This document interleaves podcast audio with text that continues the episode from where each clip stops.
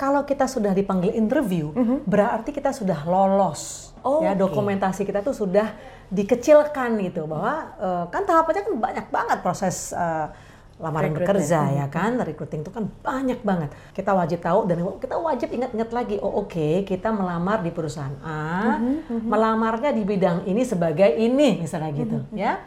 Lalu hal yang lain kita wajib tahu juga siapa sih yang mewawancarai, apakah tim eh, dari perusahaan atau pihak ketiga, headhunter kan ada juga kan yang pakai pihak ketiga atau langsung. Nah, yang paling penting dari semuanya adalah jangan terlambat. Oh, gitu. Waduh, itu betul-betul kalau bisa malah diminta datang jam 9 ya jam 9 kurang 15 atau kalau mau setengah 9 mau touch up dulu. Please be on time. Uh, jangan sampai kesan pertama kita itu justru berkurang pada saat bertemu. Ya jadi nilainya ya bagus sih. Di paper bagus, sudah terseleksi, sudah dipanggil, tapi dia datangnya terlambat. Smart FM. Smart, smart career. Podcast Smart Career kembali untuk Anda smart listeners. Untuk Anda yang mungkin mendengarkan di kesempatan kali ini, Tasya Rustama akan menemani bersama dengan Mbak Vivit Argarini. Halo Mbak Vivit. Halo Mbak Tasya. Uh, ini warnanya monokromatik. Anda yang mendengarkan di Spotify mungkin bisa melihat videonya begitu ya. Oh iya benar. Ya, Ternyata bahas warna. Iya sih benar. Oke, Mbak Vivit Ya. ngomongin soal karir ya, karena ini eh, rada tricky gitu. Mhm. Adalah proses interview. Kalau misalnya proses eh, ujian kita bisa belajar. Iya, iya. Interview ini rada tricky nih. Ada yang jawabannya kadang ini bener, tapi kadang ini nggak bener, begitu kan? Ada yang kayak eh, harus dipelajari dengan maksimal begitu kan. Betul, Nah, betul. mungkin Mbak Vivit di kesempatan kali ini boleh dong bedah tips and triknya untuk interview. Baik. Ya, yang pertama nih Mbak Tasya, disadari bahwa kalau kita sudah dipanggil interview, berarti kita sudah lolos. Oh, ya, oke. dokumentasi kita tuh sudah dikecilkan gitu bahwa eh, kan tahapannya kan banyak banget proses eh, lamaran bekerja ya kan, recruiting itu kan banyak banget. Kalau kita sudah dihubungi oleh perusahaan, berarti kita one step ahead daripada yang lain. Oke, patut berbangga ya. Nah, iya, iya banget. Jadi patut disyukuri, berbangga. Wah, ternyata saya dipanggil. Iya. Nah, percaya dirinya harusnya meningkat dong. Mhm, Nah, sejalan dengan itu, kita juga perlu mawas diri. Oh. Dengan apa? Dengan persiapan. Ya, pertama kita wajib tahu dan kita wajib ingat-ingat lagi. Oh, oke, kita melamar di perusahaan A, Mhm, melamarnya di bidang ini sebagai ini, misalnya gitu, Mhm, ya. Lalu hal yang lain kita wajib tahu juga siapa sih yang mewawancarai, apakah tim eh, dari perusahaan atau pihak ketiga, headhunter kan ada juga kan yang pakai pihak ketiga, atau langsung dari kepala SDM-nya atau kepala human capital-nya gitu, atau bahkan mungkin direkturnya langsung yang ingin ketemu. User. Ya. Nah, jadi Oke. kepo mbak, kepo dalam arti baik bahwa siapa sih yang akan mewawancarai saya. Lalu eh, hal yang lain juga kita search, kita riset betul-betul ini perusahaan latar belakang seperti apa, industrinya sedang trennya kayak apa ya. Jadi kita eh, punya pemahaman yang kuat dan kita berbekal informasi data yang cukup untuk nanti kita ditanya-tanya oleh uh, interviewer ya atau recruiter. Nah, yang paling penting dari semuanya adalah jangan terlambat. Oh, gitu. Waduh, itu betul-betul kalau bisa malah diminta datang jam 9 ya jam 9 kurang 15 atau kalau mau setengah 9 mau touch up dulu atau mau ganti sepatu. Misalnya karena bepergian jauh dari tempat yang eh, cukup lumayan lah ya eh, dari rumah kita ke kantor tersebut tadinya mungkin pakai sepatu cats gitu ya, pakai sporty shoes. Nah, karena ingin kelihatan professional dan mungkin dia tampak baik juga, kita ganti deh sepatu yang mungkin kayak yang laki pantofel, yang perempuan mungkin pakai high heels atau wedges gitu ya. Tapi intinya kita punya waktu mbak untuk ganti baju, ganti sepatu, uh, dandan ya, gitu ya. up touch up gitu ya, dibedakin lagi karena mungkin ada yang keringetan gitu ya. Jadi please be on time. Uh, jangan sampai kesan pertama kita itu justru berkurang pada saat bertemu. Ya, jadi nilainya ya bagus sih. di paper bagus, sudah terseleksi, sudah dipanggil, tapi dia datangnya terlambat, nggak profesional gitu kan? Gimana nanti kalau udah kerja betulan di perusahaan, jadi be on time lah. Lalu hal lain kita coba eh, tenangkan diri, Mbak Tasya. Jadi menjawab ya jangan nervous, meskipun nggak bisa dipungkiri pastilah ya di awal-awal tuh Gugup, gugup begitu gugup kan. gitu ya. Di awal, duh jawabnya apa ya? Karena takut salah atau takut terkesan image seperti apa gitu. Kita ikuti eh, pace eh, si pewawancara. Katakanlah misalnya beliau mewawancaranya sangat formal gitu ya. Kita juga jangan cengengesan, jangan ketawa sendiri atau sok-sok apa ya namanya ya santai atau So asik gitu kalau so gitu asik gitu ya. benar benar. Jadi kita lihat oke ini interviewernya agak strict nih gitu ya serius gitu. Nah tapi ada juga mungkin yang eh, interviewernya eh, agak you know lay back terus jokes di awal gitu kita juga jangan terus jadi kaku banget Oke. gitu loh.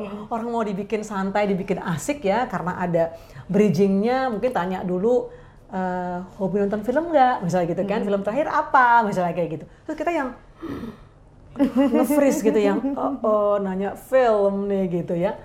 Bilang aja "Eh, Bu atau Pak eh, jujur nih film terakhir saya tonton tuh jauh sebelum pandemi misalnya gitu. Oh. jujur aja daripada ngarang misalnya kita sebut aja film X gitu misalnya. Ternyata kita nggak nonton film itu loh. Terus beliau nanya yang dalam tentang film itu. Wah, terus terus bisa terus. jadi bumerang Nah, begitu ya. ketahuan deh bohong. Ya kan? Jadi eh, jujur apa adanya dan sampaikan iya pak belum tonton lagi. Soalnya eh, kemarin-kemarin ini lagi padat membantu orang tua misalnya kayak gitu ya. Nah lalu eh, kalau misalnya kita diajaknya interviewnya bukan di kantor. Hmm. misalnya di kafe ya atau di tempat yang uh, relax lah seperti itu. Meskipun tempatnya santai atau tempatnya informal jangan juga uh, kita terbawa akhirnya jawabnya juga asal. Oke. gitu. Tetap loh ini proses interview loh gitu.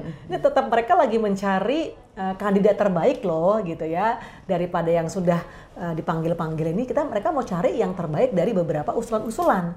Jangan sampai karena kita diajak ke tempat yang santai relax gitu kita juga jadinya uh, Terbawa jawabnya nggak profesional ya mbak. Uh, santai oke boleh tapi tetap berisi lah ya. Ya. maksudnya tetap juga menunjukkan bahwa saya punya kapasitas, saya memiliki ketertarikan, Uh, saya ingin maju bersama dengan perusahaan. Jadi yang pertama tadi tolong riset dulu ya, baik-baik riset. Terus lihat lagi kita waktu itu ngelamar jadi apa ya? Kebanyakan lamaran jadi lupa Ah, gitu ya. apa ya apa? Ternyata ternyata oh kita menjawabnya eh, itu adalah jawaban kompetitor. Waduh bahaya itu gitu ya. Nah hal yang kedua riset siapa sih yang wawancara. Ya kita tahu juga nih syukur-syukur kalau misalnya di LinkedIn-nya wah ternyata hobinya sama nih sama saya gitu. Kan sekarang mudah ya mau cari, cari informasi orang atau eh, perusahaan tinggal googling aja cari kata kuncinya langsung dapat deh kita. Eh, nggak salah juga kalau kita carinya di media sosial mbak. Oh. gitu. Entah itu Instagram entah itu Twitter gitu kan. Oh beliau tuh yang wawancara. Kepo tuh penting ya. penting. Kita kita keingin tahuan suatu hal yang menambah insight Iya. diri kita. Begitu. Nah eh, hal yang lain tadi betul-betul harus riset di mana lokasinya. Kalau perlu lantainya lantai berapa? Udah tahu nih gedungnya apa. Ternyata kita udah nunggu lama ternyata be- beda lantai. Ya kan? Waduh itu jadinya tuh bener-bener eh, chaos lah gitu. Karena eh, waktu yang kita siapkan jadi percuma. Iya. karena kita salah lokasi ya. Atau katakanlah cabangnya cabang banyak. Kita kita ngelamar di perusahaan A yang punya cabang banyak. Ternyata kita beda cabang Waduh, itu juga akan mengganggu. Jadi perlu persiapan, Mbak. Tips and trick wawancara itu bukan melulu hanya sekedar eh, pengetahuan tentang isi perusahaannya seperti apa, apa yang kita lamar, job desk seperti apa kita harus tahu, eh, tapi juga ketepatan waktu. Nah, eh, Looks. Eh, jadi gini, kalau kita punya tendensi ya, punya kecenderungan misalnya cepat berkeringat, ya kan? Bawa baju, bawa ganti baju mbak, gitu. Misalnya ada beberapa titik-titik tuh yang sensitif ya. Oke. Tahu lah ya. Tahu lah ya. jadi bawa ganti deh gitu. Jangan nanti kita pas lagi diwawancara, terus itu jadi distraction yang nggak asik gitu loh. Oke. Jadi si interviewer "Wah, belum lagi kalau ternyata menimbulkan aroma yang tidak sedap gitu kan. Ya siapkanlah perfume atau apalah body cologne gitu yang kalau misalnya eh, kayaknya sampai ke lokasi udah banjir keringat dan basah ganti baju dan kita gitu. Tapi juga jangan over. Jangan kalau kita pakai ternyata satu ruangan jadi kecium gitu ya. Eh, wajar aja. Terus eh, tadi sudah looks juga. eh, Oke, Mbak Frit, ya. kita harus jadi diri kita sendiri nggak sih? Atau dibutuhkan pencitraan? Nah, oke, baik. Kalau bicara pencitraan itu kan sebenarnya kan apa short term ya, Mbak. Yang sebenarnya lebih kuat itu personal branding. Tapi nanti kita bahas di edisi berikutnya. Sedikit siap. Siap. berikutnya. Jadi karena personal branding dengan pencitraan itu suatu yang dua hal yang berbeda gitu ya. Eh, tentu kalau kita sudah memiliki citra diri yang positif, kita nggak akan dibuat-buat karena itu tampilan kita apa adanya Oke. personal dan profesional. Karena bisa jadi interviewer itu, recruiter itu akan bertanya yang enggak eh, template, yang eh, di luar perkiraan kita. Misalnya, eh, tolong dong ceritain ke saya kalau sedang kayak lagi stres banget gitu, atau lagi kebanyakan kerjaan gitu, apa sih yang dilakukan? Waduh, misalnya itu kan mm, mm, kok nggak kepikiran ya pertanyaan kayak gitu gitu. Atau misalnya lagi, misalnya kalau misalnya tiga tahun, lima tahun mendatang mau apa itu ya biasa lah ya. Oh saya masih mau di sini, oh saya mau coba hal yang baru itu eh, pertanyaan yang misalnya common yang orang eh, tanyakan. Saya pernah Mbak. Ya. Gimana kamu menghadapi eh, hubungan percintaan kamu? Nah, emang itu personal banget gitu ya. Banget begitu kan? Tapi hal-hal personal bisa saja ditanyakan oleh recruiter atau interviewer karena ingin tahu sisi yang lain dari Iya. kita, gitu. Eh, hobinya apa sih? Lalu kalau misalnya anda nih diberi kesempatan dapat lotre misalnya satu m akan digunakan untuk apa? Nah itu ada tuh dari ilmu apa psikologi gitu ya. Eh, kita ingin karak- tahu karakter orang, ingin tahu sebenarnya mereka itu kayak apa sih? Ada tuh pertanyaan-pertanyaan yang tanda kutip tuh quite tricky gitu. Jadi memang kalau mau di sebenarnya ya idealnya kita simulasi deh sama temen. Hmm. Jadi ajak temen Oke. ya atau kakak atau adik di rumah gitu atau bapak ibu gitu mau eh mau dong aku latihan dong aku jadi yang diwawancarai bapak atau ibu jadi yang wawancara dong mau dong gitu kan. Kira-kira aku jawabnya gimana ya? Eh syukur-syukur kalau misalnya itu direkam sama adik atau kakak. Wah ternyata aku ngomongnya eh eh atau banyak garuk-garuk atau goyang-goyang kaki. Kadang-kadang kita kalau grogi gitu menimbulkan gerakan-gerakan yang sebenarnya nggak perlu gitu. Ya kan? Udah rekam dong. Oh ya ternyata hmm, udah cukup kok aku gitu. Secara confident levelnya pas ya aku cukup percaya diri dan aku cukup meyakinkan. Karena percaya diri dan meyakinkan orang lain itu erat kaitannya dengan proses interview. Bagaimana kita mau meyakinkan orang kalau sebenarnya kita nggak yakin sama diri sendiri gitu kan? Jadi mungkin mungkin eh, belum tahu. Jadi menggunakan kata-kata yang sebenarnya dia itu sebenarnya nggak tahu tujuannya apa atau nggak paham kapasitas dirinya. Itu juga bisa menimbulkan eh, ketidakpastian orang yang mau merekrut kita. Oke, malah Gitu. jadi yang nggak yakin gitu Nggak kan yakin. ya. Jadi eh, hati-hati juga pemilihan kata. Oke, Ya. semoga hal-hal tadi bisa Anda catat begitu ya smart listeners Ya. dan menjadi notes gitu kalau Anda kata Anda ingin melakukan proses interview. Mhm. Good luck untuk Anda mungkin yang uh, sedang melalui proses itu. Semangat terus. Semangat terus Jatuh juga. tujuh kali, bangkitnya berapa kali? 8 sih Iya, 10 semangat. kali. Terima kasih Mbak Pipit. Sama-sama Mbak Tasya dengan senang hati. Yes, smart listeners kita bertemu di podcast yang lain ya dalam podcast Smart Career. Pastikan juga Anda follow dan subscribe podcast-podcast kami lainnya. Sampai jumpa. Sampai jumpa, bye-bye. Smart FM. Smart Career. Make your future better.